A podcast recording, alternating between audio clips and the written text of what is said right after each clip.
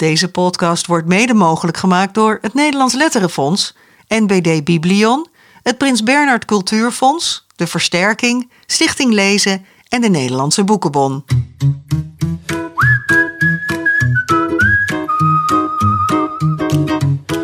Zitten volop in de stemweken van de Grote Vriendelijke 100. De verkiezing van de favoriete kinderboek aller tijden. Editie 2022. Maar we maken ook tijd voor een reguliere aflevering, Jaap.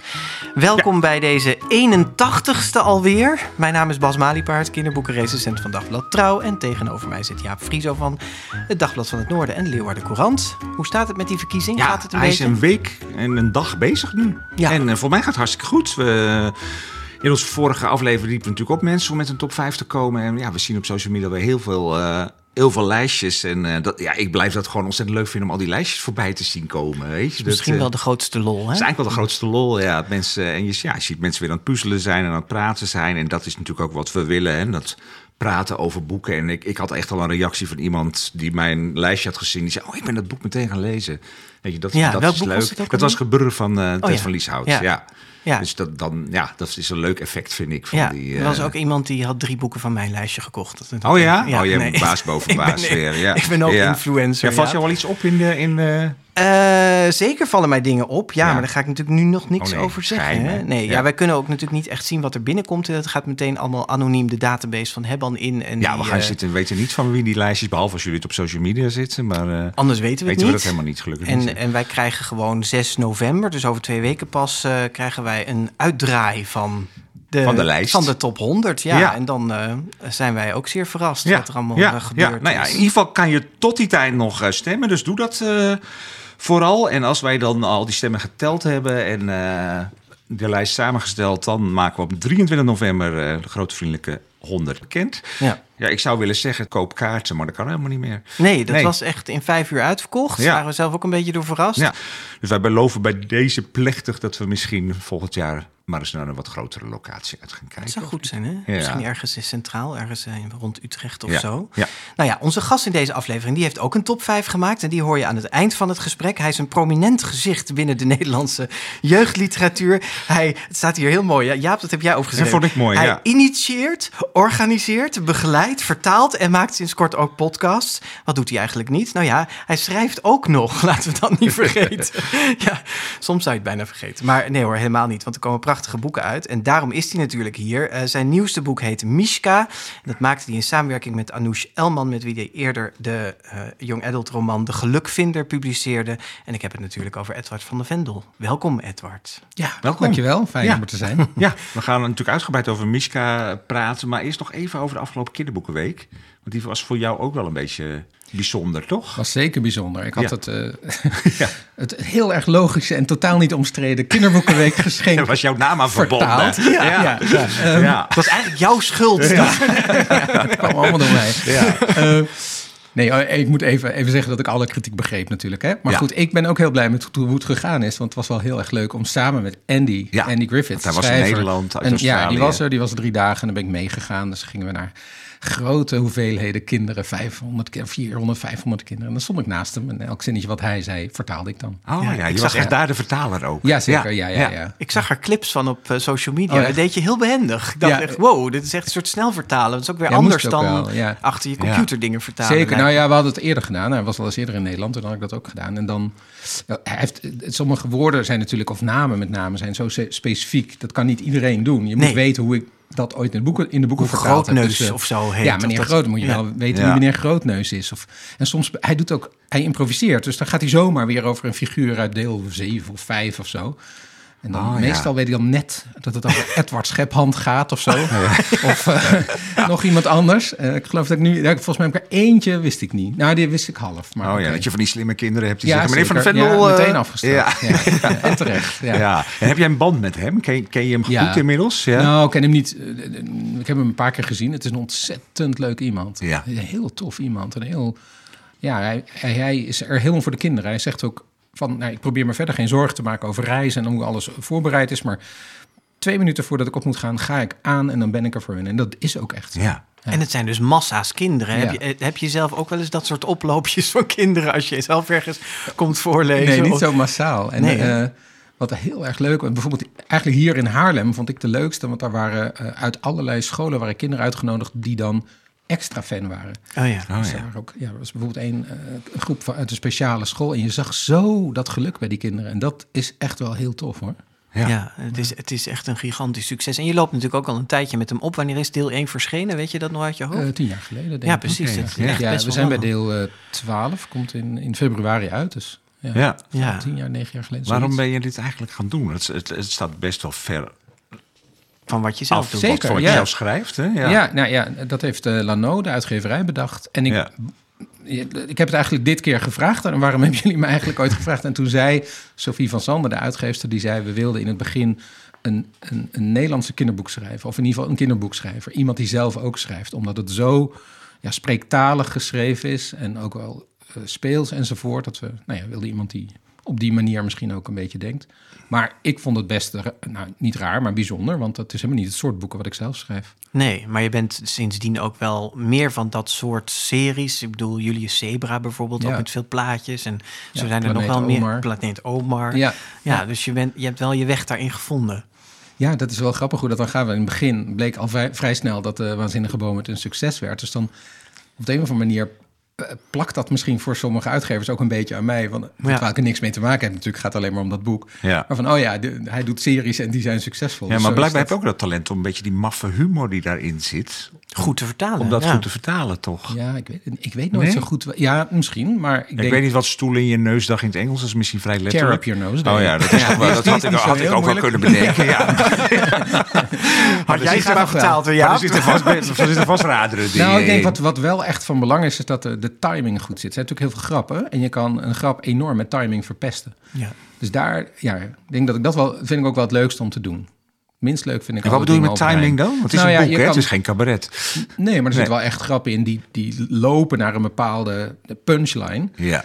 En als je dat, ja, net zoals, ja, dat weet iedereen, als je een mop hebt gehoord en je gaat hem vertellen aan je vrienden en je begint zelf al te lachen omdat je hem zo grappig vindt en je verpest hem, ja, er is niks, en er is niks ergers dan dat. Nee. Nee.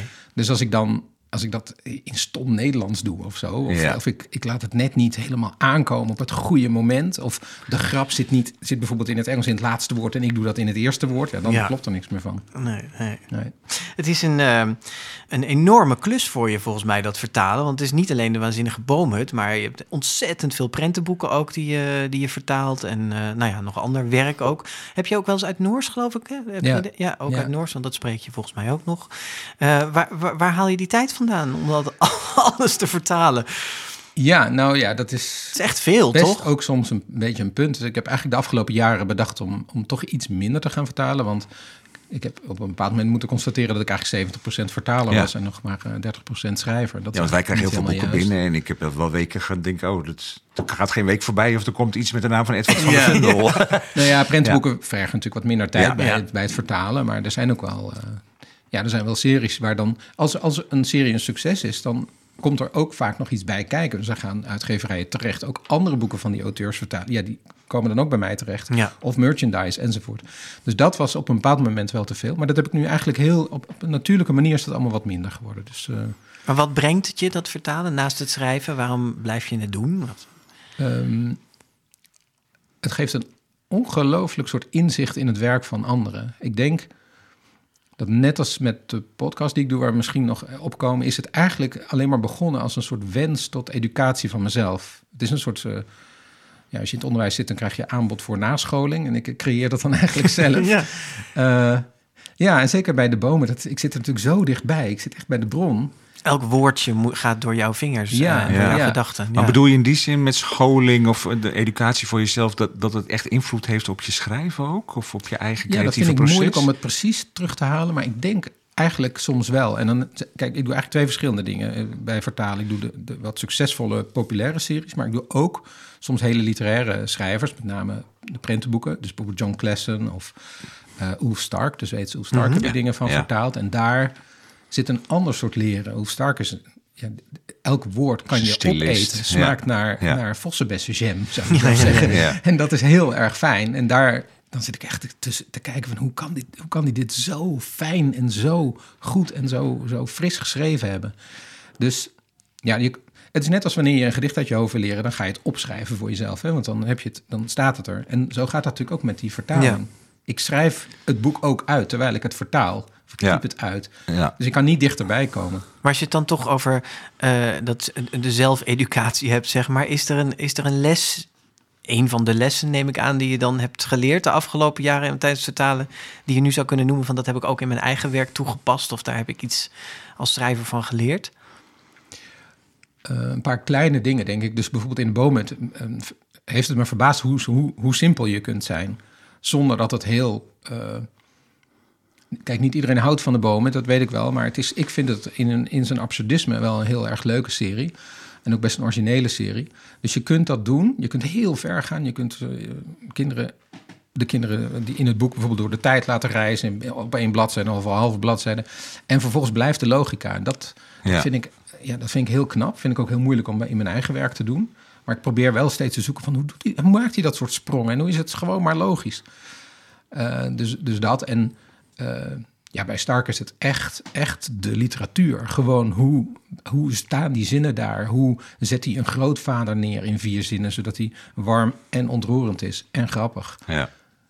Ja, het is een beetje een vaag antwoord, geloof ik wel. Maar Het is een antwoord. Het is een antwoord, ja. ja, je kan het niet. Het is, het, het is natuurlijk Nee. ook niet een uitgeschreven Maar goed, we moeten over dat les. vertalen misschien sowieso maar weer eens een uitzending maken. of Ja, dat wat. zou leuk ja, zijn, ja. ja. dat hebben we natuurlijk één keer gedaan. Maar het is Laura een beetje blijven liggen. ja. Maar we willen eigenlijk nu straks ook wel over Miska praten. Dus laten we dat Ja, hier maar laten we doorgaan. eh, Ja. Ja. Want Miska, dat ligt hier op tafel met een prachtige tekening trouwens van Annette Schapen. Ja, ja. Die portretten eigenlijk, eh, de meeste zijn portretten in dit Ja, boek op heeft. hout, eh, hè? Op hout getekend. hout Dat heeft getekend? niet Oh, eerder echt gedaan. Oh, Leuk. daarom zit er Oh. zoveel sfeer ja, in. Ja, ja. nou, prachtig. Maar het boek is ook heel mooi. Maar we, het is verschenen de laatste tijd ook nog veel meer andere boeken. Dus daar Ja, gaan we het nog gaan we heel kort over nog even over praten. Boekentips. Jij hebt een, eh, een bijzonder prentenboek meegenomen. Een Oliver Jeffers prentenboek. Ja. Over Jeffers, waar kennen we die ook alweer van? Ja, eh, ik had het er net met Edward over. Eh, Samen hier is een titel die ik me herinner. Vast, Vast, dat is een van de Ja. favorieten. in elk geval van Edward, maar ook van mij, van hem. Ehm, en ik zei ook tegen Edward net... ja, de laatste prentenboek van, van Oliver Jeffers vond ik een beetje zijig. Of Ja. daar had ik wat minder mee. Maar dit is wel echt een hele andere Jeffers. Dit is eh, om te beginnen heel fotografisch. Ja, zeg even hoe het heet, Het heet, ja, ja. is goed. Het, spookhui- het spookt in dit huis, heet Ja. het. Ehm, het is een mooi hoog prentenboek. Lang Ja. hoog prentenboek. En ehm, het, het is eh, fotografisch. Hij heeft eh, uit meubelcatalogie en ehm, architectuurgidsen van lang geleden... heeft hij ja, geknipt en collages gemaakt. Je ziet niet meer dat het collages zijn, want hij heeft het op de computer bewerkt. Maar hij heeft een soort... ja, 18e eeuws landhuis eigenlijk samengesteld. huis uit Engelse detectives. En, eh, Ja, met veel ja. hout en zo. Ja. En eh, starende portretten en dat soort... en- eh, en kroonluchters. En kroonluchters. En het is een heel leeg huis. Er woont één meisje, een, een groenkleurig meisje. Ja, dat heeft hij erop getekend. Ja, dat heeft hij er wel opgetekend, inderdaad, in het fotodecor. Hij, dat meisje dat nodigt je uit om binnen te komen. En eh, ze zegt, ja, ik heb al een tijdje geen bezoek gehad. En het schijnt in dit boek, te, of in dit, dit boek, huis. in dit huis te In spoken. ook, ja. In het boek ook, ja. Eh, maar ik heb die spoken eigenlijk nog nooit gezien. Zou je me kunnen helpen? Dat is eigenlijk de Ja. vraag aan de lezer. En dan blader je door. En ehm, tussen de gewone pagina's zitten ja, transparante pagina's. Een soort van, eh, eh. bijna een soort bakpapier eigenlijk, hè, ja, zoals het ja. eh, doorzichtig. En als je die ehm, omslaat, dan komt hij dus als een soort filter over de fotopagina heen te liggen.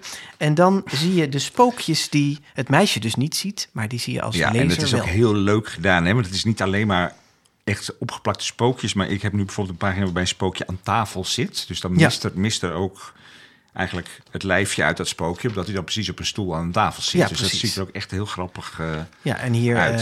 uh, schommelt ook een, uh, een spookje op een kroonluchter inderdaad. En die spookjes die, die zijn dus nou, niet per se super eng. Het zijn gewoon van die lakens met gaten in de, op de plek van Lieve de ogen. Weet je. Het zijn lieve, Ja. grappige spookjes. En ze doen ook echt een beetje een verstopspelletje met haar. Ja, zij ziet ze niet, maar je ziet dat ze er lol in hebben dat zij hun niet ziet. Nee. Dat is eigenlijk... Nou ja, goed, het is, het is eigenlijk die gimmick veel meer. Is het boek ook niet? is het eigenlijk, maar wel op een hele leuke Maar wel heel manier. leuk, ja. En- En, het en is wel ik- echt zo'n boek van nog een keer. Ja. Precies, en eh, ik heb hier bijvoorbeeld er eentje voor me. Dan staat ze in de badkamer. Als je dan die transparante Ja, pagina die is leuk. omslaat... Ja. dan kijkt er opeens een spook over haar schouders mee in de spiegel. In Nou, dezelfde dat soort- spiegel waar zij ook precies. in kijkt, maar zij ziet dat niet. Zij ziet dat steeds niet. Nou, Nee. dus het is, het is een beetje griezelig, maar ook heel grappig eigenlijk. Ja. En, En uitgegeven bij de Fontein. goed, Dat dat, nou, dat eind- rond je mooi af, ja. Vertaling Mirjam Hoekstra, moet je nog zeggen. We hebben het net ook over vertalen gehad. Dus, en jij, ja. Ja, ik heb een boek. Ik moest eh, toen jij net zei, Edward van die Vossenbessensham, dat die taal zo. Toen dacht ik meteen aan dit boek. Dit is zo'n Vossenbessensham. Zeg eh, even hoe het heet. boek. Ja, nou, daar kwam ik nu op. Ja, het heet het boek van Beatrice, of Beatrice, weet ik eigenlijk niet. Beatrice, ja, van Kate Di. Camillo, natuurlijk een eh, hele bekende eh, schrijfster. En eh, het is een, een middeleeuwse vertelling. Voorop staat een magische vertelling over het lot, liefde en de kracht van woorden. Dat magische moet je meer zien als dat het heel betoverend is, maar niet dat het in een wereld van magie speelt. Nee. Want het speelt in de middeleeuwse wereld waarin, nou ja, ik zal even de eerste zin voorlezen, want Die is zo leuk. mooi. Ja. Het gaat namelijk voor een groot deel over een geit. En die geit heet Answelica. En het begint zo. Answelica was een geit met tanden die de spiegel van haar ziel waren. Groot, scherp en weerbarstig. Nou, is dat voor zijn beste jam of niet? Ja, Ja, eerste erg. ja, nou ja, de- de- de- we zullen niet het verhaal verder al te veel uit, maar eh, er is een geit, er is een meisje, er Beatrice, is, ja. ja, er is een, eh, een, een broeder, een monnik. Eh, er is nog een wat zonderlinge man, er is een koning. Nou, dat komt allemaal samen in dit eh, boek. Die, die, die eh, broeder zit trouwens bij de orde van de chronieken van Droevenis. Vond ik ook echt heel, heel mooi. En die geit is nogal een, een karakter. Ja, Ja, neemt en- iedereen op de horens, hè? Ja. neemt iedereen op de horens. Ja, en uiteindelijk gaan ze met elkaar een soort tocht ondernemen in dit, in dit boek. En ja, het heeft te maken met profetieën, met een groot geheim ook wel eigenlijk. Ja, er is Eh, eigenlijk voorspeld in de profetieën die de monnik altijd optekent... dat Beatrice ehm, de koning ooit van zijn troon zal Ja, stoten. ja. Dat is de profetie waaronder zij ehm, ja, in het eh, leven in het leven staat. staat. Ja. En ehm, ja, gaat ze dat waarmaken? ja, Of, zoiets. ja. eh, daar gaat het eigenlijk over. Ja. Ja. maar het is zo'n boek waar als, ook als een reis waar je zelf zo in meereist. Weet je, ik zou het verhaal eigenlijk ook, als je erin zit, dan is het is zo lekker. Het is echt zo'n boek waar je helemaal in, in verdwijnt en, eh, en gaat zitten. En het verhaal is wel belangrijk, maar eigenlijk een beetje ondergeschikt aan de prachtige zinnen. En, En de personages die ik geweldig en de vond. Ja. personages, ja. maar en, en de poëtische taal. Het is ook mooi vormgegeven, een beetje op zijn middeleeuws met van die mooie beginletters. Dat heeft- Verluchte, verluchte begin, Heet dat hoofdletters. zo? Ja, dat Of staat. verluchten? Oh, dat heet zo. Verluchten. Oké. Ja. Ja. Ja. Ja. Maar eh, Edward, jij hebt vast veel van Katie Camillo gelezen. Jouw- Ik denk alles, behalve deze nog. Nou, ja, ja. ja. maar dat ga ik snel doen nu. Maar vind je haar een goede schrijfster? Ja, fantastisch. Ja. ja. Ja. Eh, een van mijn lievelingsboeken is eh, Edward Tulane, eh, De wonderbaarlijke reis van Edward Tulane. Wat ik wel bij haar boek altijd vind, zij, zij schrijft ook een beetje rare boeken. Ja, ze Er schrijft echt altijd- er zit rare altijd boeken. iets raars in, Ja. maar dan weet ze dat op zo'n manier Ze te brengen dat je het toch over met een accepteert. eekhoorn, toch? In de titel. Ja, die vond ik wel de minste. Ja, Flora en de fantastische ja, precies. Ja, Ja. Het is echt wel raar. En dit is in die zin ook wel weer een beetje raar. Dan denk je, ja, zo'n middeleeuws boek. En dan begin met een geit. En, eh, Ja, het het is heel, heel typisch raar. allemaal. Eh, En wat zij heel goed kan, is je hebt in, in, op het toneel heb je zo'n regel hè, van je brengt nooit een bel op het toneel als het niet gebruikt wordt in het stuk. Hè? En dat, is, dat, dat doet, doet zij in dit boek heel goed. Alles wat zij binnenbrengt in het verhaal, alle details, die hebben later in het verhaal Functie. een functie. Dus Ja. ook als je denkt, wat is dit nou weer voor iets raars? Dan komt dat later in het verhaal toch op zijn pootjes terecht. Ja. En dat, is, Ja. dat doet ze echt heel knap. Nou ga ik het Dus- weer afronden. Het is vertaald door Harry Pallemans en eh, bij Lano uitgegeven. Die zeggen dat het 9 plus is, maar moet je wel een hele slimme 9 plusser zijn. Ja, ik zou zeggen Denk 10, je? Ja, 11 maar 9 plus. plus is ook 10 plus en 11 plus. En daar past het dan Precies, misschien precies. meer bij. Ja, jij hebt nog een... eh, Een stoeptegeltje ja. Voor me liggen. Eh, dat is Heel de wereld wordt wakker. eh, bloemlezing van beste, het beste Ja, van de moderne kent inmiddels misschien wel iedereen in het kinderboekenwereldje, maar we konden er niet omheen. Hè? Nee, zeker niet. Nee. 333 gedichten van de afgelopen 30 jaar samengesteld door Jaap Robben en fantastisch geïllustreerd door Sebastiaan van Donink. Ja. Ehm, ja, we kennen allemaal, denk ik, eh, de mensen die een beetje ingevoerd zijn, kennen allemaal, ehm, als je goed om je heen kijkt, zie je dat alles gekleurd is. De bundel die in 1991 de Gouden Griffel won. Dat was toen, ja, dat is eigenlijk een beetje een iconische Standaard werk. bloemlezing geworden sindsdien. Eh, ik hoorde van Jessica van de kinderboekwinkel hier, de eigenaresse, dat er nog steeds vraag naar, naar dat boek is, terwijl het al lang niet meer in druk is. Dus dat is echt een soort eigen leven gaan leiden. Maar ja, daar staat natuurlijk niet de poëzie sinds 1991 in. Nee, en dat is eigenlijk dat is precies. dit, hè? Ja. Ja, eh, eh, dat zijn, is precies de tijd die, eh, die Jaap Robben nu overziet in deze bloemlezing. Ja. Het is heel mooi opgebouwd, vind ik. Het, eh, het is in delen opgebouwd. Je begint eigenlijk met eenvoudige poëzie. Veel ook bijvoorbeeld over leren lezen en dat soort onderwerpen die passen bij jonge kinderen. En zo loopt het eigenlijk op. In het laatste deel gaat het echt over ja, beginnende verliefdheid, allemaal dat soort Ja, meer, maar er zit dus, dat vind ik wel heel fijn. Er zitten geen thema's in. Het is niet, we hebben nu een blokje natuur en we hebben nu een blokje verliefdheid. Nee. Nee. Maar onderling zitten de, zijn de gedichten wel heel slim geschakeld. Er zitten echt eh, blokjes wel in van Ja. bijvoorbeeld vier gedichten achter elkaar die over zoenen gaan. Weet je wel? Dus zo, zo wandel je er wel heel erg goed doorheen. En dat heeft Sebastian van Doning ook gedaan. Ik had het hier even opgeschreven, want er zit bijvoorbeeld eh, zitten er reeksjes in van tekeningen die eigenlijk in elkaar overgaan. Die dus allemaal bij andere gedichten horen. Daar is bijvoorbeeld een Zoenen serietje. Nee, hier nee, Oh. nee, nee, nee. Oh. Nee, tekeningen die eh, in elkaar overvloeien. Bijvoorbeeld rozen, die zie je aan het strand staan. Dan komt er een meisje dat uitkijkt over de zee. Dan een jongen dat een zandkasteel, die een zandkasteel bouwt. En daarna zie je een tekening van een handvol met zand. Weet je, dat zijn dus eh, Oh, vier, ja. vijf gedichten bij elkaar. Maar Ja, die worden dan door die tekeningen eh, verbonden. En wat jij bedoelde met het gedicht Ja, Zoenen. zag ik hier in Ja, precies. Staat hier in het draaiboek. Ehm, dat is eh, dat ook door hoe hij die gedichten naast elkaar heeft gezegd, dat ze op elkaar lijken te reageren, die gedichten. Of dat ze opeens over elkaar lijken te gaan. Er is dus een gedicht Zoenen van Bette Westra. Dat gaat over de ik-figuur die eh, haar vader of zijn vader betrapt. terwijl de vader aan het zoenen is met juf Ans.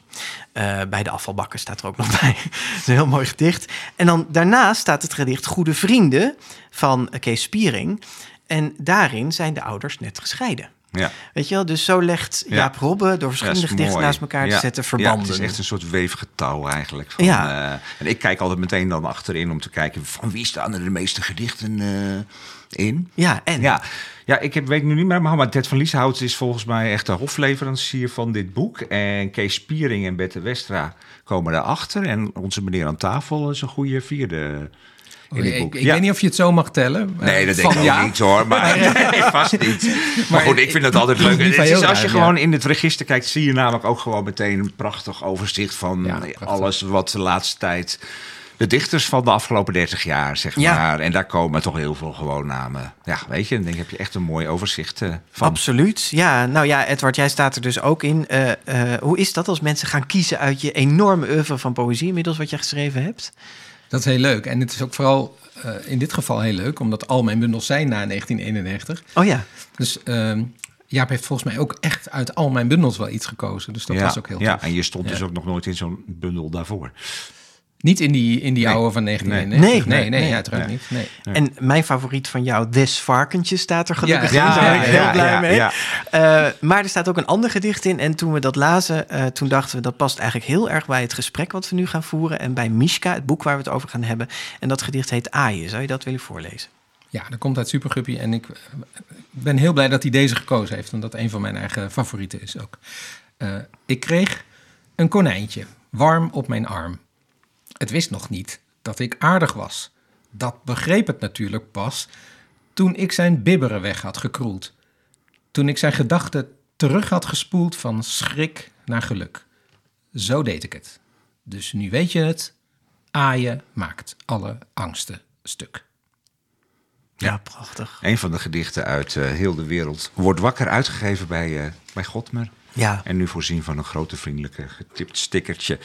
En eh, nou ja, wil je een van deze boeken lezen? Besteed er dan bijvoorbeeld een boekenbon eh, aan bij de kinderboekenwinkel of eh leen ze in de bibliotheek. En al deze info over deze boeken kun je natuurlijk nalezen op onze prachtige kakelverse nieuwe website. De Ja. grotevriendelijkepodcast.nl. Wat zijn we daar blij mee, hè? zeker. Ja. En daarmee is echt een wens in vervulling gegaan. Want we zaten bij een een of ander gratis template altijd. en dat zag er niet echt uit. Maar het is nu eh, ook veel beter doorzoekbaar geworden. Hè, wat we allemaal En publiceren. we hebben de natuurlijk veel meer en met al die tips en al die parels en eh, al die afleveringen. Dus dat kun je nu toch vrij handig. eh. Je typt van de Vendel in en je ziet dat er meteen dat we al meer boeken van hem getipt hebben. Precies, Ja. Precies. Laten we naar die van de Vendel gaan. En Ja. eh, ik denk dat de luisteraars ook wel willen weten wat dat gedicht nou te maken heeft met het Ja, en wat Dus, voor eh, man dat eigenlijk is. Ja. Ja. ja, zal ik hem nog wat verder introduceren? Ja, Edward, ehm, ja, mi- misschien kennen heel veel mensen kennen je denk ik wel, maar het is toch handig om nog even een klein overzicht van je oeuvre en je carrière te geven. Je debuteerde in de tweede helft van de jaren negentig met poëzie voor kinderen en jeugd met de bundels Betrap me en bijna alle sleutels. En eh, voor de twee boeken die daarna kwamen, Gijsbrecht en De Dagen van de Bluegrass-liefde, kreeg je bij de Gouden Zoen. Een prijs die nu niet meer bestaat, maar voor boeken voor wat oudere jongeren. Daarna verscheen er een stroom aan boeken, waarmee ja, waarvan het einde eigenlijk nog lang niet in zicht is. Want er komen steeds maar nieuwe boeken van jou uit. Prentenboeken, kinderboeken, young adult, non-fictie en natuurlijk poëzie. Eigenlijk in alle genres eh, ben je actief. En om een klein beetje die gevarieerdheid eh, aan te geven. Een, een, kleine greep uit je oeuvre zonder de rest te kort te doen. Maar je schreef poëziebundels over Superguppy. Speelse kinderboeken over Sophie. Een indringend tweeluik over de hond Sam. En een jongere trilogie over Oliver en Tycho. Die uh, trouwens oplangs opnieuw is verschenen. in Een nieuwe ja. ja, dat is de Bluegrass liefde. Bluegrass liefde valt daarbij, ja. ja. Uh, en verder werkt hij ook nog met heel veel auteurs en illustratoren samen. En zoals we al bespraken, vertaalt hij ook nog eens heel veel boeken. Nou ja, je bekroningen gaan we ook maar niet allemaal benoemen, want dan zijn we heel verder. Maar uh, je krijgt twee keer de Woutje Pieterse prijs voor Superguppy voor Stem op de Capi. En je gaat er helemaal sneller van praten. En je krijgt de Duitse Jugendliteratuurprijs voor de hond die Nino niet had. En heel veel zilveren griffels, van onlangs nog weer voor Rekenen voor je leven. Ik heb 14 geteld. Uh, jij ook? Ja, klopt. Mij. Ja, ja, oké. Okay. ja, ja. Ben, je, ben, je, dan recordhouder? Ik geloof nee, dat nee, Immerdros of zo. Uh... Heeft Immerdros. 17, denk ik. Oh, jee. 16, Oh, 17. okay. Oh, Echt waar? Zoveel? Ja. Ja. ja, ja, ja. Nou ja, het uh, enige boek trouwens op jouw lijst of van boeken dat een eigen Wikipedia-pagina heeft. Dat is heel bijzonder. Wij hebben niet eens een Wikipedia-pagina. Nee, oh, dat, dat is dit boek, De Gelukvinder. Oh, dat heeft een eigen oh. Wikipedia-pagina. ja. ja. De Gelukvinder uit 2008. Het is uh, een zogenaamd slashboek. Hè. In de slashreeks verscheen. Was het eerste slashboek bij uitgeverij uh, Querido. Dat zijn boeken die gebaseerd zijn op de ervaringen van jongeren. En er staat ook altijd de naam van een jongere ook op de uh, cover, omdat nou ja, echt in samenspraak met de jongeren is, is gemaakt. En uh, in dit geval is dat Anoush uh, Elman, die 17 was toen jij dit met hem maakte ongeveer. Hè? Ja, en die met zijn ouders, broers en zusje uit Afghanistan naar Nederland vluchten. En je krijgt hier ook weer prijzen voor de Glazen Globe en de Jenny Smelik Ibby-prijs. En nu 14 jaar later, na de gelukvinder, is er Mishka. En dat heb je samen opnieuw met Anoush gemaakt. En hierin staat zijn zusje centraal. Die heet dan weer niet Mishka, want Mishka is het konijn, om het nog maar even ingewikkelder te Roya, hè? Roya, ja. Ja, ja, ja. We beginnen altijd met de eerste zin. Wil je de eerste zin voorlezen uit Mishka? Ja. Het was de eerste avond in ons eigen huis. Ja, en aan het woord is dan dus de negenjarige hè, uh, Roya. Zij is het enige meisje in een gezin dat uh, vanuit Afghanistan dus naar Nederland is gevlucht. En na jaren in asielzoekerscentra te hebben gewoond, heeft uh, de familie eindelijk een eigen huis. Ze, ja, ze hebben een eigen plek. Eindelijk, ze mogen blijven. Ze worden Nederlander. En uh, een van de volgende zinnen in, in het boek op de eerste bladzijde, geloof ik zelfs, is van bij een huis hoort een huisdier. Dat is eigenlijk uh, de gedachte die Roya heeft. En ze voegen de daad bij het woord. Um, ze gaan naar de dierenwinkel. En om even een beetje dit gezin te leren kennen, wilde je meteen vragen om een stukje voor te lezen over dat bezoek aan die dierenwinkel, hoe dat dan gaat. Dan hoor je Roya en haar broers. De dierenwinkel was te klein voor al mijn broers. Ze pasten maar net in het gangetje tussen de muizen en het zaagsel. Bashir riep: Slangen, zijn er slangen? En Navid tikte op het glas van de vissen, ook al hing er een bordje met niet tikken. Het meisje achter de kassa werd er zenuwachtig van. Maar toen begon Hamayoun te praten. Het winkelmeisje keek hem aan en weg waren haar rimpels. Zo gaat dat altijd bij Hamayoun en zijn zachte stem. Als er iets opgelost moet worden, dan zegt papa: laat Hamayoun onze mond maar zijn. Hamayoun legde uit waarvoor we kwamen en het winkelmeisje zei: uh, Natuurlijk hebben we konijnen. Ja, hierachter, kom, kom maar verder voorzichtig hoor. Eén voor één. Uh, ja. We schuifelden allemaal achter haar aan, een smalle ruimte in waar het naar warme vachtjes rook. Het meisje zei: Hier hebben we diverse konijnen. Maar ik keek en wees en riep: Die! Het was een dwergkonijntje. Toen we binnenkwamen, was hij overeind gekomen. Ja, en dat dwergkonijntje, dat is Mishka. Yes. Ja, ze wordt een nieuwe huisgenoot van Roya en haar drie broers. Hè, die in het boek Bashir, Navid en Hamayoun uh, heten. En Hamayoun, die oudste, die altijd het woord uh, doet, dat, uh, die kennen we dus ook uit geluk vinden. Maar dat is Anoush Elman. Die het echt dan ook weer anders heet. Ja. ja. Hoe, Hoe zit dat? Ja. ja, er zijn drie hij namen. Heet Ramin, hij heet ja, Ramin. Ramin ja. Maar in de tijd dat ik uh, met hem samen de gelukvinder schreef... was het nog helemaal niet duidelijk dat zij een status zouden krijgen... en dat ze mochten blijven. En toen leek het ons net iets te gevaarlijk om zijn echte naam te gebruiken... want hij had dus meegewerkt aan een, ja, een boek wat duidelijk niet... de Taliban goed gunstig gezind was. Nou was het natuurlijk in het Nederlands de kans dat dat misschien in Afghanistan terecht zou komen is niet heel groot, maar toch wilden we dat risico uitsluiten. Niet de echte naam gebruiken, dus hebben we daar een pseudoniem voor genomen. En bij de hele slashreeks geldt dat we altijd samen met de jongeren met wie we het boek schreven, kozen we een naam voor de hoofdpersoon. Omdat er dan automatisch een soort eh, Afstand. klein beetje afstand Ja. ontstond. En dat de jongeren niet zouden denken van, nou, dit boek moet helemaal, helemaal over mij gaan. En dan wil ik sommige pijnlijke dingen misschien niet zeggen. Of ja, dat ze niet zouden zeggen van, dit klopt helemaal niet. Soms Ja, moet je voor dus een roman de dingen iets, iets, Ja. iets Het is een soort drietrapsraket Ramin, Anoush, Hamayoun. Ja, Ja. maar als we het dus over eh Anoush hebben, dan is eigenlijk de, de co-auteur, degene die ook op de covers van dit boek staat. En Hamayoun heet hij in de boeken. Ja, ja. Ja. Hey, we vonden het fijn om voordat we naar Mishka gaan... toch even nog terug te pakken de geluk vinden... voor wie dat nog niet heeft gelezen. En trouwens ook voor wie het wel heeft gelezen. Want ik heb het natuurlijk in 2008 gelezen... maar nu dus weer herluisterd, moet ik zeggen. Want ik heb het luisterboek eh, eh, geluisterd... nu in aanloop hier naartoe. Eh, ja, prachtig boek. Ik heb er echt, ik heb het jou vandaag weer. Ja. Ik heb weer een paar keer eh, in tranen gezeten toen ik er naar luisterde. Hij houdt snel hoor. Ja, nee, Maar, nee, dat, nee, dan doe je er echt iets aan Nee, af. want nee, het is het echt- is echt heel mooi. Ja, ja, maar goed. ja. eh, in de gelukvinder vertel je dan dus op indrukwekkende wijze het vluchtverhaal uit Afghanistan. Hè. Hamayoun Anoush was dus elf toen hij het land verliet en 17 ongeveer toen jij hem leerde kennen. Klopt dat zo? klopt. Hoe ben je destijds in contact met hem gekomen? Ehm, ik had de slashreeks bedacht als idee. En dat was de tijd dat er, eh, nou ja, dat er net zoals nu eigenlijk heel veel vooroordelen waren over, over eh, buitenlanders, zeg maar. Dat, zo werden ze dan genoemd. Ja. Eh, ik weet nog dat toen minister van Asielzaken was toen Rita Verdonk, voor wie haar nog kent. Ja. En die zei bijvoorbeeld bij, eh, ik geloof Pauw en Winterman, zei ze van... ja, kijk, het is natuurlijk zo dat 90% van de asielzoekers gelukzoekers zijn. Oftewel, mensen die alleen maar voor het geld hier komen. Toen dacht ik, nou, dat kan wel feitelijk niet waar zijn. Dat is ook helemaal, helemaal niet waar natuurlijk. Eh, toen dacht ik, nou, dan moet ik eigenlijk gewoon mezelf ja, een soort, soort educatie opleggen. Dan moet ik zo iemand vinden. Dus ik heb alleen maar gegoogeld op asielzoeker levensverhaal. En toen vond ik een site van een, eh, een middelbare school in Leiden... waar een jongen een toneelstuk had gemaakt... samen met zijn, met zijn docenten over zijn levensverhaal. En dat was Anoush.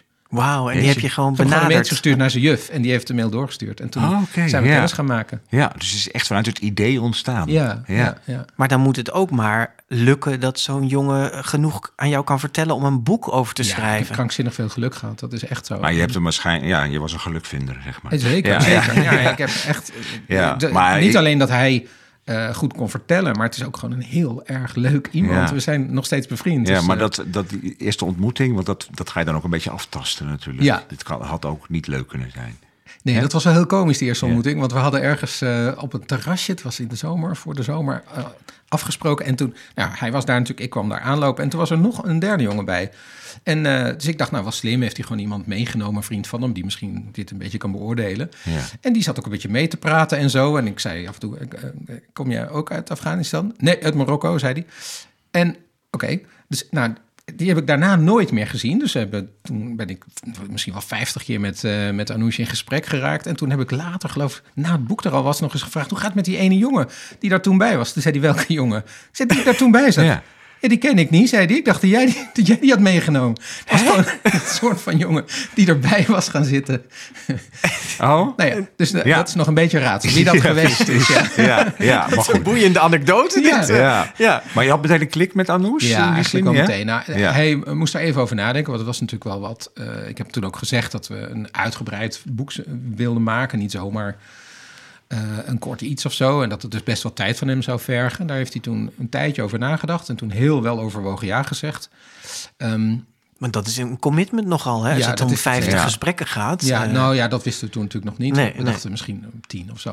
En uiteindelijk ja, werd dat een, niet meteen denk ik een vriendschap, maar werd het wel meteen een verhouding waar duidelijk was dat hij ook heel erg veel in dit plan zag. Dus hij heeft Ja. ook al in het begin al gezegd, ik wil dat, dat, dit, dat in dit boek van alles staat. Dus wel natuurlijk de dingen die naar waren, maar ook de dingen die mooi waren en ook de dingen die, die, die ik stom heb gedaan.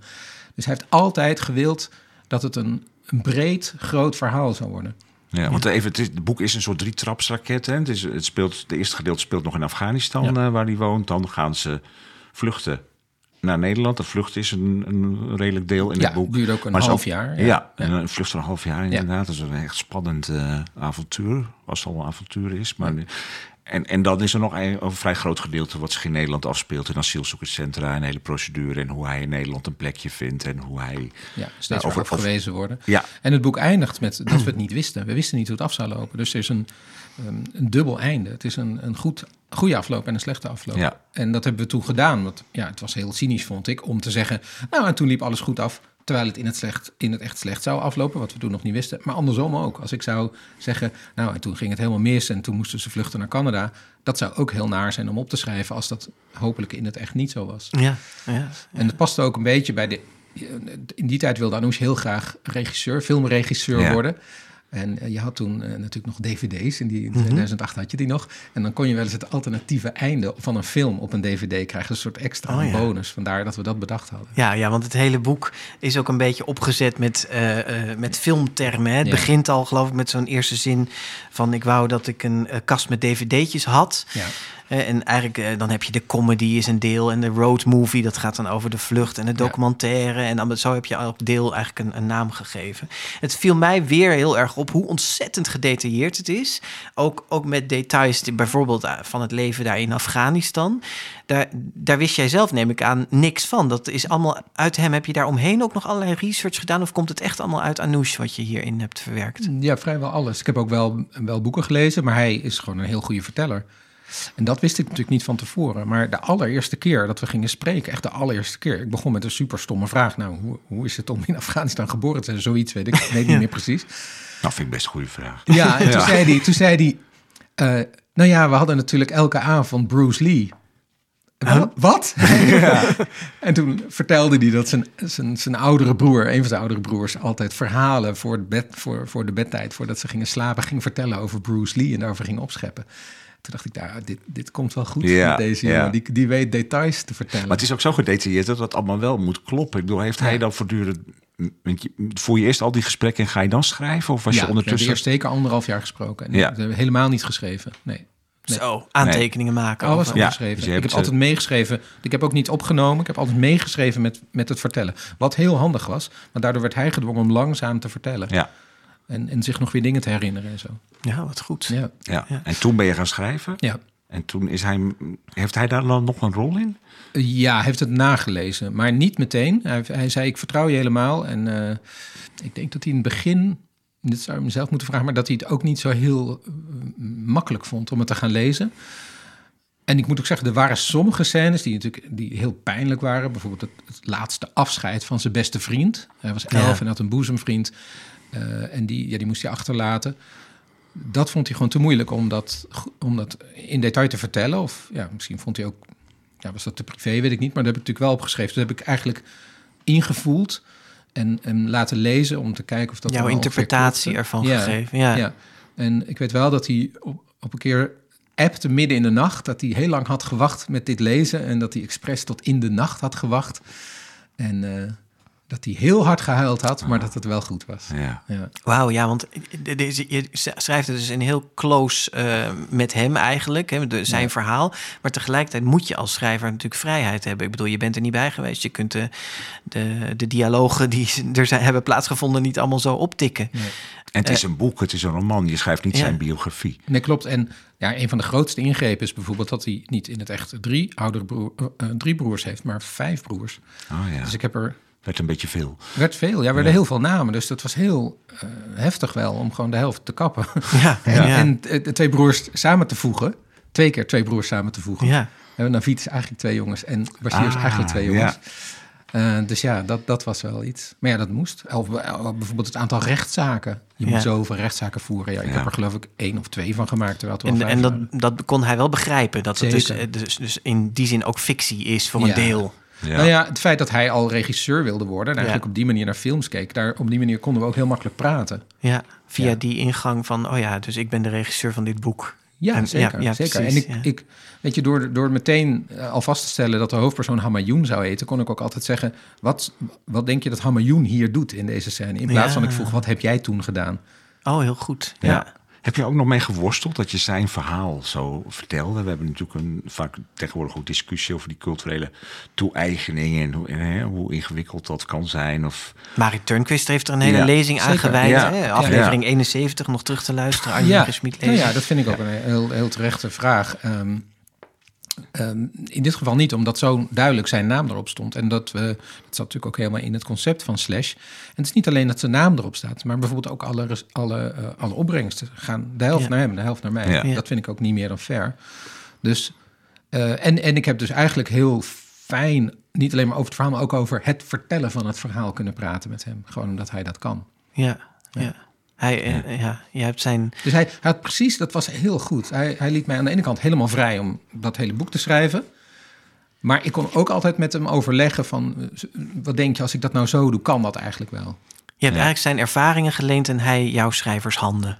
Zoiets, ja, Ja. ja. klopt. mooi. Ja, mooi, ja. Eh, je- ja, sorry. nou ja, je, je- dat contact is gebleven. hè? En, en, want uiteindelijk, we gaan nu langzaam naar, eh naar Mishka. Mishka, ja, toe. Hè? ja. Want dat is gebaseerd ook op, op zijn gezin. Heb, heb jij ook het hele gezin leren kennen? Zeker, ja, ja, ja, ja. Ik ben er zeker in die tijd heel vaak geweest, Ja. maar ook daarna wel. Ja, dus je Eh, hebt de ook zusje Roya leren kennen. Ja, ja, zeker. Ja, Ja, ja. ja.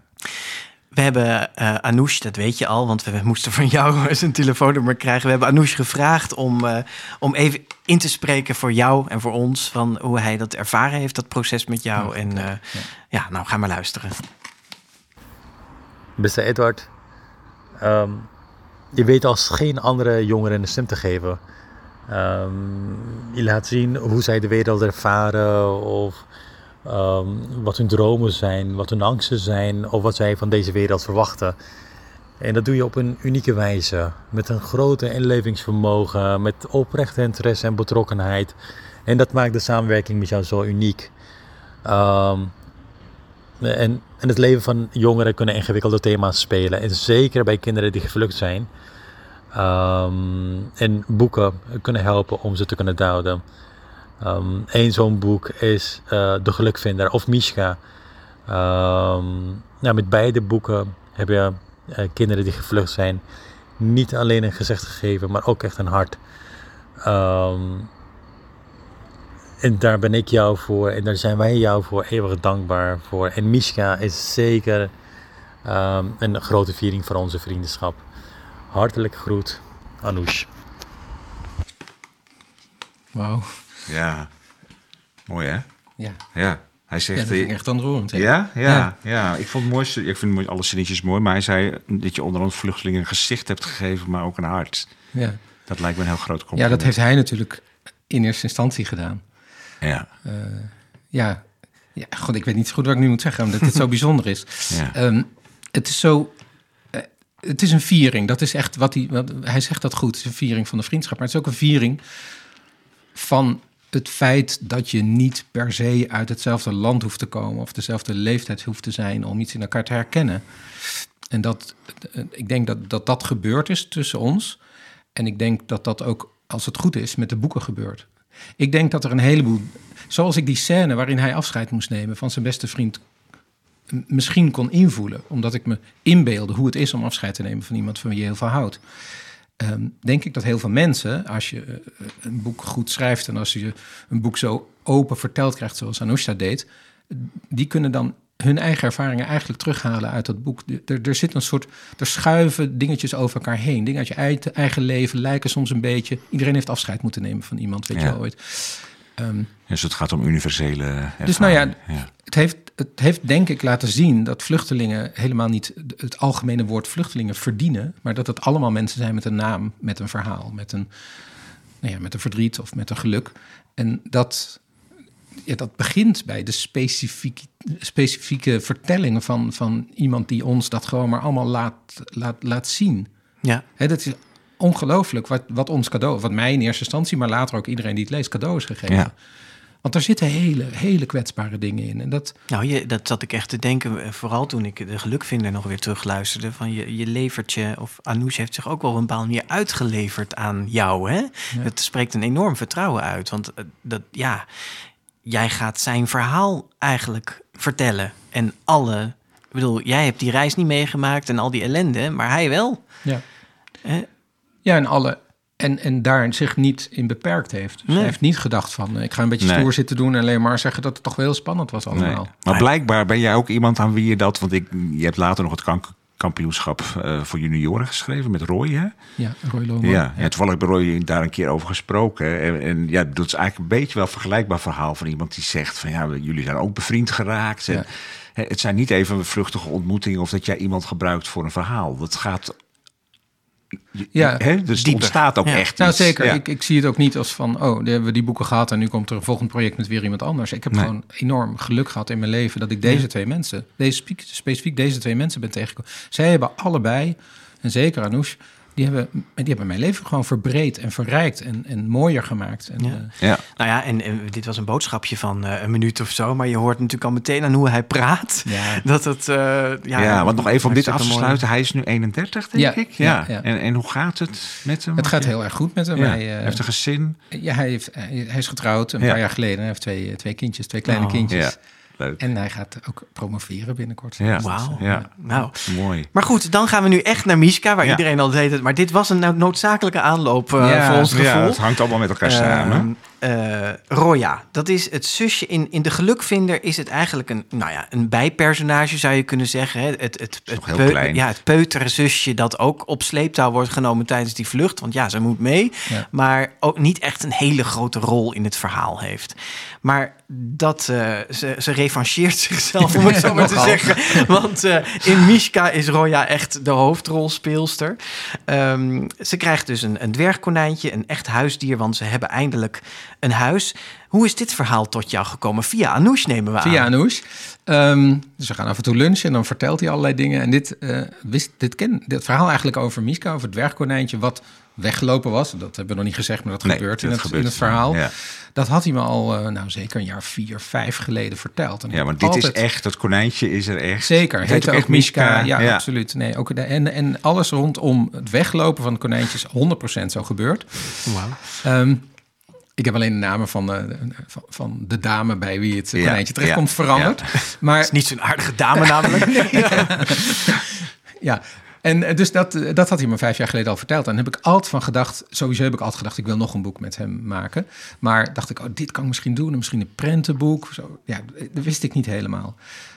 Totdat hij een jaar geleden ongeveer, dat we weer eens aan het praten waren. En toen vertelde hij zomaar nog een verhaal over de vlucht. Dat niet in de gelukvinder staat.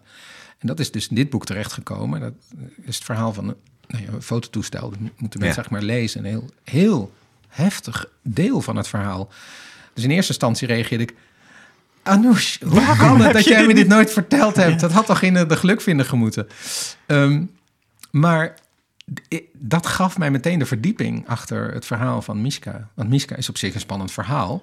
Maar ik voelde dat er iets meer moest of zo. Dat, het, ja, dat er misschien wel meer achter zat. En toen kon ik het verbinden aan elkaar. En eh, toen was het ook automatisch duidelijk dat dat niet een. eh, de- ja, dat, dat ging dus over het gezin wat op de vlucht was. Dus moest één van de personages uit, ja, die daarbij waren, moest dan de drager van dit boek zijn. En ik dacht, ja, hier kan ik volgens mij een verhaal van vertellen voor kinderen van acht, Ja. negen. Ja, En maar dat dan- is echt dan- een groot verschil met het vorige boek. Zeker, het het is is voor een vele jongeren Ja, toe. ja. Ja. dus dan, dan moest Roya de hoofdpersoon. Maar misschien is het wel een beetje vaag voor mensen die het nog niet gelezen hebben. Ik zal proberen, omdat je dat zelf ook doet, om dat niet te verklappen. Maar het heeft wel iets te maken, met- je noemt dat fotostel, maar het heeft te maken eigenlijk met herinneringen die er niet meer zijn, hè, zou je kunnen zeggen. En in Roya's geval, ja, zij was dus drie of zo toen ze vluchtte. En zij weet zich eigenlijk nauwelijks meer iets te herinneren van die vlucht. Nee. Dat, dat is eigenlijk het uitgangspunt van dit boek. Hè, van dat, ja, dat... ze was de jongste van het gezin die aan het Ja. vluchten was. En eh, ik moet zeggen trouwens, de- dat de, oudste broers die waren al eerder gevlucht. Dus op dat moment in, in die constellatie was, eh was Anoush dus de oudste. En zij was de jongste. En ja, zij ging mee en ze heeft het eigenlijk als een soort avontuur, een vaag avontuur in haar hoofd beleefd. En ehm, ik heb, wat er ook gebeurde, was dat ik daarna Anoush nog weer eens wat verder gaan, ben gaan vragen over de vlucht. Of misschien nog andere dingen. Maar ook het verhaal van Mishka nog een keer Wat verteld. heb je me nog meer niet Research, verteld? ja. Ja, ja. Eh, maar dat heb ik ook aan Roya gevraagd. Die, eh, eh, wat, wat weet jij nog? En zij zei, ik weet eigenlijk niet zoveel meer. Nee. Ik weet eigenlijk bijna niks. En dat, juist dat heb ik gebruikt. Ja. Het Ja. feit dat je dus... Kijk, ze, ze, in het begin van het verhaal is ze, ze mogen ze, ze hebben een huis toegewezen gekregen. Ze hebben net gehoord dat ze mogen blijven. Dat is dus eigenlijk daarmee ook een soort vervolg op, op de Ja. gelukvinder. Eh, maar dan krijg je na verloop van tijd, daar is nu ook een heel gedoe over, krijg je een huis toegewezen. En nou, dan hebben ze opeens een eigen huis. Ze hebben het onderweggevoel wat ze al die jaren hebben gehad, nergens thuis horen. Nee, Wordt vervangen door ergens wel mogen blijven. een vaste school. Vaste school, zo vaste school waar ze dan naartoe gingen. Want elke keer moest ze ook nog wisselen van asielzoekerscentrum. En toen dacht ik, nou, hoe is dat dan? Als je dus opeens weet, oh, maar hier gaan we blijven. Op deze school ga ik blijven. Deze juf ga ik blijven houden. Dit huis is van ons. De tuin is van ons. Nou ja, dat werd dus bestendig doordat zij dan zegt, daar hoort een huisdier bij. Ja. Dat heb ik een beetje zo ja, bij elkaar bedacht. En toen dacht ik, ja, maar wat gaat ze dan doen met het huisdier? Dan gaat ze daar misschien dingen aan vertellen. Ja, want dat Ja. is eigenlijk, het konijn wordt eigenlijk ja, een beetje de katalysator voor gesprekken. Eh, hè, die er, ja, ze zegt eigenlijk, Mishka wil weten hoe het, Ja. hoe het zit. Hè? Dat is echt Ja. de ultieme vorm van projectie. Ja. Eh, die wil weten wat er eigenlijk tijdens die vlucht gebeurd is. Ehm, en dat komt vooral in het boek in gesprekken tot stand tussen het konijn Hamayoun, dus de hoofdpersoon uit eh, De Gelukvinder, broer, en, en Roya samen. En daar hebben we een fragmentje van uitgekozen. Wil je dat eh, voorlezen? We deden wat we deden, Roya. Als we weer een eind moesten lopen tijdens de vlucht, dan wilde jij ook altijd een tas dragen. Vooral een tas die veel te groot voor je was. Oh ja, dat weet ik. Dat heeft mama me wel eens verteld. En herinner je mama's snoepverhalen nog? Snoepverhalen? Ja, om de tijd door te komen verzon mama altijd gekke sprookjes over chocola of over zoete amandelen. Wat? Waarom ben ik die allemaal vergeten?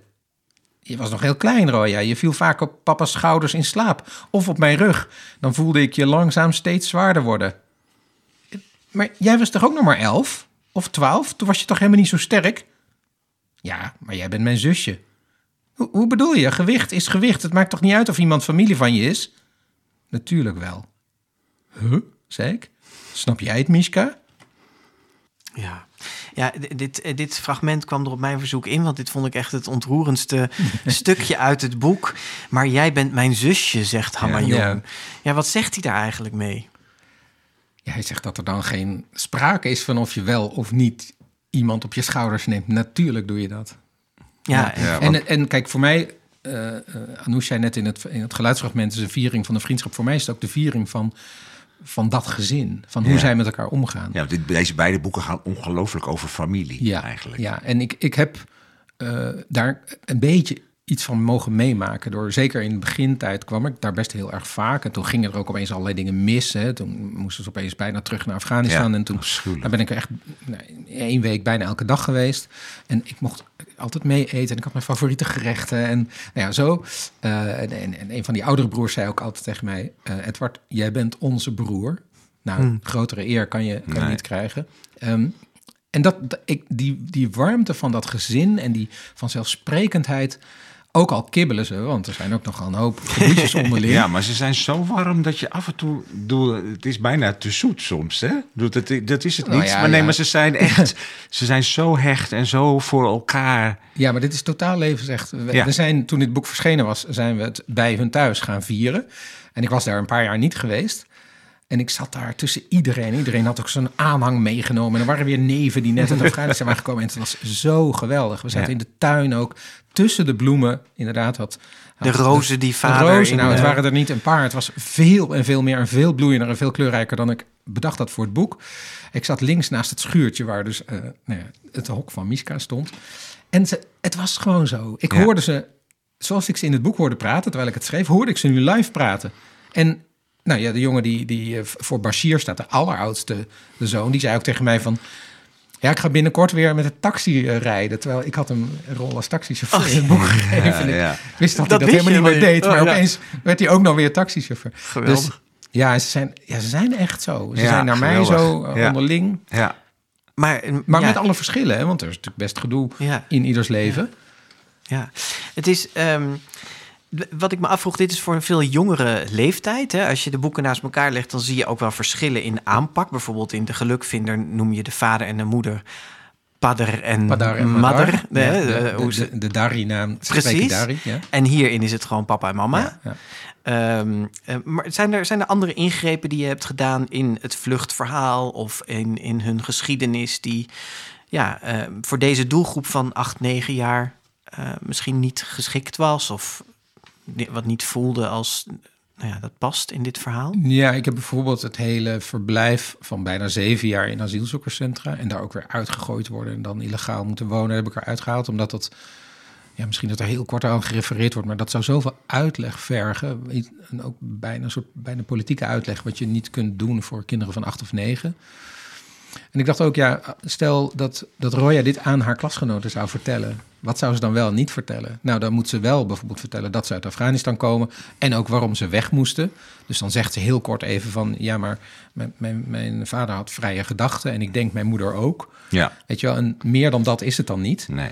Eh, en dat mag niet in Afghanistan. Maar ik heb het niet, in het boek staat niet dat, dat de Taliban daar aan de macht waren. of Nee, zo. nee. nee. Dus, eh, Nee. ja, uiteindelijk gaat ze, dat is een belangrijk, waar het boek een beetje naartoe werkt, gaat ze een spreekbeurt over het konijn Ja. vertellen. Hè? Want dat is belangrijk in het leven van een 8, 9-jarige. Dat je een Ja, want- dat je een Spreekbeurt spreekbeurt Nou, gaat houden. Ja, Ja, zeker. Nou, sterker nog, ze moet al heel snel als ze op de nieuwe school een spreekwoord houden. En Ja. dan zijn er nog andere kinderen die tegen haar zeggen... Dat, dat bijna zo van, ik ga het over een konijn, dat is een Nederlands dier, weet je wel.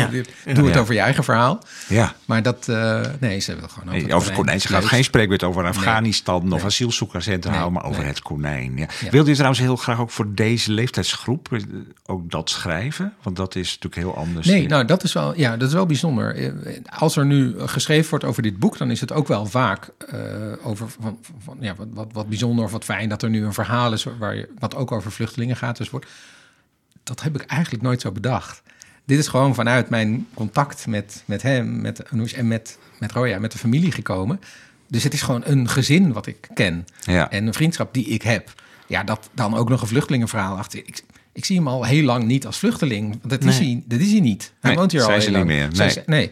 Dus eh, Maar dat mensen goed, dat daar zit- blij mee zijn, dat, Ja, dat, snap ik alleen maar wel. fijn. Want Nee, het is, ja, heel ja, maar het valt ook in een periode. Ik woon in een dorpje waar nu 300, sinds een jaar 300 Afghanen zijn komen Ja. wonen. Weet je, het valt Ja. wel in een periode waarin dat weer heel actueel is. En waar Zeker, ik ja. Afghaanse mensen bij de bushalte zie staan. ja, ja, nou ja, Maar- ik vind als, als, als je het ook maar een beetje kunt gebruiken om een ander idee te krijgen over statushouders, weet ik veel wat. Ja. Ja, dan, eh, dat, dan is het fijn. Maar dat en was, zoveel boeken zijn hier ook niet over. Nee, is ook zo. Nee. Dus in die zin is het... eh, Maar het, was, het is dus niet dat ik er totaal onbewust van was. Ik wist wel natuurlijk dat dat ook een bijzondere achtergrond Ja. was. Maar Ja. ik heb niet gedacht, laten we nu eens een politiek boek over eh, voor jonge kinderen over Nee, vluchtelingen Nee. maken. We moeten het nog even over dat ontsnappen hebben. hè? Ja, want dat, dat is een belangrijke Ja. wending in het boek. Je hebt Ja. het er straks zelf al weggegeven. Ja. Dus hè, het konijntje ontsnapt op een gegeven moment. Ja. Miska is weg op de vlucht. Ja, dat is ontegenzeggelijk natuurlijk een metafoor. Hè? Ja. Wat, kun je, wil je daar iets over zeggen? Wat, wat dat losmaakt? Of wat dat, wat dat doet bij Roya? Wat dat in Nou, haar het is hoofd vooral ik teweeg in eerste instantie de schok bij haar. Dus het konijntje is heel erg geliefd bij alle leden van het gezin. En ook, eh, het ge- ze had zeker de indruk in iedereen dat het konijntje het ook heel fijn vond thuis. Ehm, en heel vertrouwd was met iedereen. En dan is het opeens weg. Dus dat, ja, dat, dat was echt wel heel heftig in de zin van dat ze dacht, ja, maar waar, was het, waren we dan niet goed genoeg? En waarom zou die weg moeten gaan? Ja. Dus de, de vlucht wordt daarna gewoon een soort spannende zoektocht. Ja. Maar voor mijn gevoel zat er de hele tijd bij haar vooral de paniek van hoe kan dit dier waar we zo van houden nu ook nog weg Ja. van ons gaan? Wat kan de reden zijn geweest? Ja, want je vlucht alleen maar als je het ergens niet goed Ja, hebt. ja. En Ja. nou ja, goed, op het eind van het boek wordt daar eigenlijk, heeft zij een, een antwoord daarop gekregen. Waar, ja, dat, ik nu niet moet zeggen, maar dat zou een beetje jammer zijn. Maar Je kan wel zeggen dat, dat zei net ook al een beetje, dat het konijntje uiteindelijk terechtkomt bij Ja, een zeker. Nederlandse Ja, mevrouw. en ook, eh, ook weer Een grumpy old lady. Ja, ja, ja, ja. die, ja, die het niet zo heeft op, eh, Op Afghanen, ja. op mensen met Nee, een donkere en- huidskleur misschien. Ja. Het staat er niet heel duidelijk in, Nee. maar ik, bijvoorbeeld als ze dan net de, eer- voor de eerste keer de deur open doet, heb ik er wel heel, heel duidelijk van de een naar de ander laten kijken en nog een keer. En dan Ja. zie je wel dat ze daarna iets denkt, dit minder is niet graag pluis. antwoord. Ja. En zegt ze ook, ik heb helemaal geen konijn. Ja. Ja, precies. Ja. Maar goed, we kunnen ook wel verklappen dat het konijntje weer gevonden Ja, wordt. ja, toch? Ja, want ja, dat, maar die is bij niet- die mevrouw toch, ook al zegt ze dat, hij, dat ze hem niet heeft. Hij, ze heeft hem wel. Hij komt weer terug bij het gezin. En eh, daar hebben we nog een stukje over uitgekozen. Wil je dat voorlezen? Oh, ja. Ja. Mijn lieve witte sneeuwpluiswonder had geprobeerd om zichzelf te wassen, maar het was niet helemaal gelukt. Het gaf niet, want als je zo'n reis maakt, blijft er altijd wel wat achter. Ik tilde hem tot voor mijn gezicht. Toen ik in zijn ogen keek, zag ik mezelf. Zijn ogen waren spiegeltjes. Ik wilde nog wat tegen hem zeggen, maar ik gaapte en gaapte. En als ik wilde slapen, wilde hij het vast ook. Ik legde hem onder mijn dekbed, tussen mijn zij en mijn arm. Zijn snorharen trilden zachtjes tegen mijn vel En na een tijdje voelde ik zijn tongetje tegen mijn vingers. Dat deed hij de laatste tijd soms. Likken. Ik viel nu echt in slaap. Maar ik wilde nog wat zeggen tegen Miska. Ik begon, beloof je dat je nooit meer... Ik denk dat ik mijn vraag nooit afgemaakt heb. Want ja, ik viel dus in slaap. Ja. het is niet vaak dat we auteurs zo aan het eind van het boek laten voorlezen. Want dit is echt bijna van de laatste bladzijde. Ja, maar toch kan dat heel goed. Hè. Hier staat ook weer een van die hele mooie zinnetjes in... die misschien wel de kern is van het boek. Hè. Dat die konijntje zich aan het likken is... en dat er ook wat achterblijft. Het, het lukt niet om zichzelf helemaal schoon te wassen... maar dat geeft niet, want als je zo'n reis maakt... blijft er altijd wel wat achter. ja, ja. Dat, dat is misschien Ja. wel waar deze, deze, dit hele project over gaat, toch? Ja, en voor mij is ook de zin, eh, toen ik in zijn ogen keek, zag ik mezelf. Zijn ogen waren spiegeltjes, wel echt, echt heel erg van belang. Daar begrijpt ze dat het konijn ja, eigenlijk dezelfde ervaring op een bepaalde manier heeft gehad als Ja. zij zelf heeft gehad. Ja. En dus ziet ze zichzelf, en begrijpt ze meer van zichzelf. Ja. Ja. Ja. Ja, maar zie je ook bij de, dit, dit gezin dat zo- van zo'n rij is, zo'n hele vlucht en deze hele ervaring veel achterblijft? Ehm, het is zo traumatisch, zeg maar, denk Ja. ik ook voor een deel. Maar aan de andere kant zeg je, het gaat ook eigenlijk heel goed. Het gaat heel goed. Ja. Ja. kijk, zij hebben het altijd met elkaar kunnen, kunnen Ja. doen. En dat vind ik wel heel bijzonder. Ik denk dat dat eh, veel scheelt. Ja. Eh, er zijn ook heel veel jaren overheen gegaan. Mm, dat, ik, ik ken ze niet goed genoeg om in te schatten wat, dat, wat er nou precies is achtergebleven. Maar ik denk dat eh, erover praten en, en eh, nou, zeker Anoush natuurlijk, die, die heel veel heeft verteld nou, Ja. voor, het boek. Maar, en daarna ook nadat het boek is verschenen, heeft hij ook best wel eens wat eh, interviews en dat soort dingen gedaan. Dat dat natuurlijk wel heel erg helpt. Dat is eigenlijk wat Miska, of wat, sorry, wat Roya ook leert, ja. om erover Ja. te praten. Oh, gelukkig Dus jij, dus jij was het Miska- konijntje van Anousha. Eigenlijk was ik een Ja, dwergkonijn. precies. Ja, Ja. Ja, nou ja, Ja. het is, eh, het is een, een prachtig boek. Je begon te zeggen van, eh, je had een idee toen je die slashreeks eh, eh, wilde beginnen. Van, ik, ik wil meer leren over vluchtelingen was toen nog het idee. En toen ben je gaan googlen en kwam je op die school eh, het, verhaal van Anoush tegen op de website van die school. Kun je, kun je zeggen wat ja, dit hele project met Anoush jou heeft gebracht in die zin? Wat, wat je geleerd hebt, wat je toen nog niet wist over ja, mensen die gevlucht zijn? Of, ehm, Eh, nou, ten eerste heb ik het, daardoor het idee gekregen dat mensen je door een verhaal te vertellen soms een eh, enorm eh, cadeau geven. Dat, de, dat klinkt nu heel klein en gratuit en zo. Van, eh, het was een, een cadeau dat ik hem heb leren kennen, maar het is werkelijk een heel groot cadeau. Dus er is blijkbaar een soort bereidheid om. eh, als, als twee mensen elkaar leren kennen, die elkaar vertrouwen, om dat heel erg open te leggen. Dus dat, ik denk dat ik dat niet eerder heb ervaren.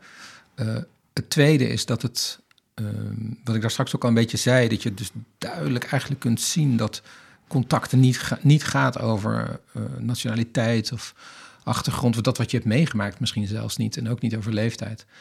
En over gender ook misschien niet. En dat er dus dwars door alles heen kan er een soort herkenning zijn. Ehm, en ik denk wat, wat Anoush me heel erg geleerd heeft, is dat elk verhaal opnieuw een eigen verhaal is. Met een andere achtergrond, met een andere ervaring, een reeks van ervaringen. Eh, wat ik heel mooi vond was toen, toen we de gelukvinder af hadden, dat ik vroeg, wil je het aan iemand opdragen? En, want ik heb het aan hem opgedragen, uiteraard. En hij heeft het opgedragen aan alle vluchtelingen. En dat vond ik weer een heel mooie afronding. Ja. Hè, dus eh, het is specifiek zijn verhaal en, en hij heeft ons alles van hemzelf gegeven, heel individueel. Maar hij heeft het altijd alleen maar gedaan omdat hij eh, mogelijk daarmee anderen zou kunnen Heel helpen. mooi, ja. Dit is Ja. eigenlijk één groot pleidooi, want we hadden het al over, eh, nog even voor het gesprek, dat die slashreeks eigenlijk een beetje een zachte dood is gestorven. Er zijn heel veel boeken verschenen, Ja. maar uiteindelijk verschijnen er niet zoveel meer. Maar als ik Nee. jou zo hoor, denk ja, dit moet eigenlijk gewoon weer nieuw leven in worden Ja, geblazen. dat zou toch? heel fijn zijn. Ja, ja, ja. ja. Nou ja, het is een prachtig boek geworden, De Gelukvinder. Maar natuurlijk, Miska, waarvoor we hier eh, zitten. We hopen dat je straks nog de laatste zin Zeker. wil. eh, ja, hij heeft al voor- bijna het eind voorgelezen, dus die Ja. laatste zin kan ook nog wel. Ja. Ja. Maar we gaan eh, eerst nog even naar deze rubriek. De grote vriendelijke parel. Ja, in het kader van de Grote Vriendelijke 100 vroegen we jou om eh, ook je top 5 mee te nemen. Eh, waarvan we natuurlijk hopen dat je, die, dat je daar ook echt daadwerkelijk op gaat stemmen. Ja, Hebban.nl slash stem. Ja. Ja, oh, dat Ja. moet je nog doen. Ja, Dat moet je nog doen. Ja, Ja, dat ja, doe je niet door hier te zitten. Dat Nee, moet je ook ik even dat fysiek dat doen. Ja. Nee, Zou, nee, zou je eh, gewoon kort even willen noemen welke titels er op je lijst... We hebben geen tijd voor een uitgebreide toelichting per boek, maar even Nee. Vertellen Nou, ik kan, ik kan boeken in het algemeen zeggen dat ik eh, dacht, laat ik dit keer eens eh, voor echte klassiekers kiezen. Dus Ja. ik Ja. heb eh, niet recente boeken. Meestal doe ik dat wel, maar nu. De tranen knallen uit mijn kop, natuurlijk, van. Ja, ander- had ook andere boeken van hem kunnen zijn. Eh, de Gebroeders Leeuward van Astrid Lindgren. Ja, nee. Stond vorig jaar ook in de top 10. hè? natuurlijk. Ja, ja. en die is op hopelijk mijn nu lijstje. ook weer. Ja. Eh, Koning Wikkepokluk, de merkwaardige, zoekt een rijk. Geweldige titel van Titel, Wim. Hofman. Dat is een Ook van jouw favorieten, echt. want Daar heb ik je al vaker Zeker, over ja, horen ja, ja, eh, ja. vertellen. Ja. En van Paul Biegel, die natuurlijk niet mag ontbreken, de rover Hoepsika. Had ook nog andere kunnen zijn. En eh, ja, de door mij nog niet zo heel erg lang geleden volledig, eh, eh, in volledige blijheid ontdekte Anne Rutgers Ja. van der Loef. Ja. En dat dan, wordt eh, jouw parel die we Wordt op ook onze de parel plank en dat zetten. is eh, Ze verdrinken ons dorp. ja. Ja, dat is de keuze. Ik had Ja, ook andere kunnen kiezen. Ja, je hebt eh, eh, onlangs in de zomer een podcast gelanceerd. Die heet Lawines Razen. Dat is ontleend aan een ander boek van, eh van Anne Rutgers van der Loef. Ja, je, je- jij vindt het wel tijd voor een herontdekking van haar, geloof ik. Hè? Moeten die boeken niet gewoon eens allemaal opnieuw in een nieuw jasje? En dan, Want voor jou was het eigenlijk een eerste ontdekking nog Zeker, ja. Ik ben in de coronatijd voor het eerst een boek van haar gaan lezen. Ja. Omdat, eh, omdat ik nog een heel oud boek, van, echt van vroeger, had liggen. Wat ik nooit gelezen had sinds de jaren zeventig. Dat ging ik lezen. En dat vond ik fantastisch. Toen ben ik alles gaan bestellen. Ik heb letterlijk gewoon in de coronatijd alles besteld. Ik geloof dat er Ja. 50 of 60 boeken Oh zijn. ja? Ja, ja, ja. Je dacht, ik moet wat te doen. Hebben ze een project voor mij? Ja, het was een project en toen ehm, nou, ben ik ook bijna alles gaan lezen. Maar ik heb de laatste 15 die ik nog niet gelezen heb bewaard, want ik wil nog mooie dingen in de toekomst kunnen lezen. Ja. Dus ik- en wie weet komt er nog eens een lockdown, dus dan heb je... ja. en, Maar ja, het was met grote blijheid, zei je net. Dus eh, het- je, Ja. hebt, je hebt een schrijfster van formaat ontdekt. eh, van formaat. Zij was Ja. een grote, grote naam eh, in, in de jaren 50, 60, 70 eigenlijk. Eigenlijk ja, ongeveer in de tijd dat Annie M. G. Schmid ook zo bekend was. Ze was ook internationaal een hele grote naam. En ze is ook de eerste winnares van de, van de staatsprijs. En ook de eerste winnares van de, wat toen nog niet de Gouden Griffel heette, maar wel de Gouden Griffel was. Dat was Ja, Raas. van het jaar. Ja. Waarom ja. heb je specifiek dit boek? En ze Ze verdrinken ons dorp. Is Ja. een, en nou, waarom ik haar zo goed vind, is omdat ze, om allerlei redenen, eh, maar onder andere doordat zij heel vaak eh, onderwerpen koos die buiten Nederland lagen. Dus zij was heel eh, echt een avonturierster. En zij kan ontzaglijk goed iets doen wat technisch heel moeilijk is, namelijk heel veel personages beschrijven. Dus hier gaat het ook over een heel gezin met allerlei kinderen. En die hebben allemaal een eigen verhaaltje. En je kan ze heel goed uit elkaar houden. Zij Ehm, heeft niet al die broers in, in één broer. nee, nee, nee. En ehm, ja, het, het, het gaat uiteindelijk over iets heel droevigs, namelijk over dat er een dorp moet wijken uit Noord-Frankrijk. Daar is ook een tijdje eh, onderzoek gedaan voor, ik geloof, een stuwdam, of zoiets. ja. Ja, het, Ja. Het, dorp moet verplaatst worden naar boven, eh, hoger op de berg. En een van de oudere mensen, en dat is de opa van de kinderen uit het boek, die wil dat niet. Die heeft er geen zin in. Die, en eh, waarom ik haar ook waardeer, en da- daarmee kom ik echt op de ultieme reden hiervoor, is dat zij een enorme durf had en kinderen zo ontzettend serieus nam dat ze grote dingen deed. Dus ik, ik, ik moet nu even iets over het einde van dit boek zeggen, omdat het zo uitzonderlijk is. Ehm, we hebben dan het hele boek gehad, dus ook vaak heel komisch. En uiteindelijk denk je, nou, die opa heeft zich laten overhalen. De kinderen vinden dat hij gewoon echt mee moet en nou, hij doet het. Maar dan gaat hij op het allerlaatste moment met een bootje alleen op dat stuwmeer en hij komt niet meer terug. Zo. Ja, dat vind ik echt heel gedurfd om dat te doen. Ja. En je, je begrijpt het als lezer. Je snapt waarom die dat moet doen. Maar ik denk dan nou dat je dat durft voor kinderen. Ja. Ja. Nou, we moeten allemaal Anne Rutgers van der Loef eh, gaan lezen. Zeker. Maar Ja. deze, Ze verdrinken ons dorp, 1957, 57. verschenen. Ja, die zetten we in elk geval op onze vernieuwde parelplank. Het is ook echt een plank geworden nu Ja, op onze op website. hè, waar je ze allemaal op kan, eh, kan zien staan.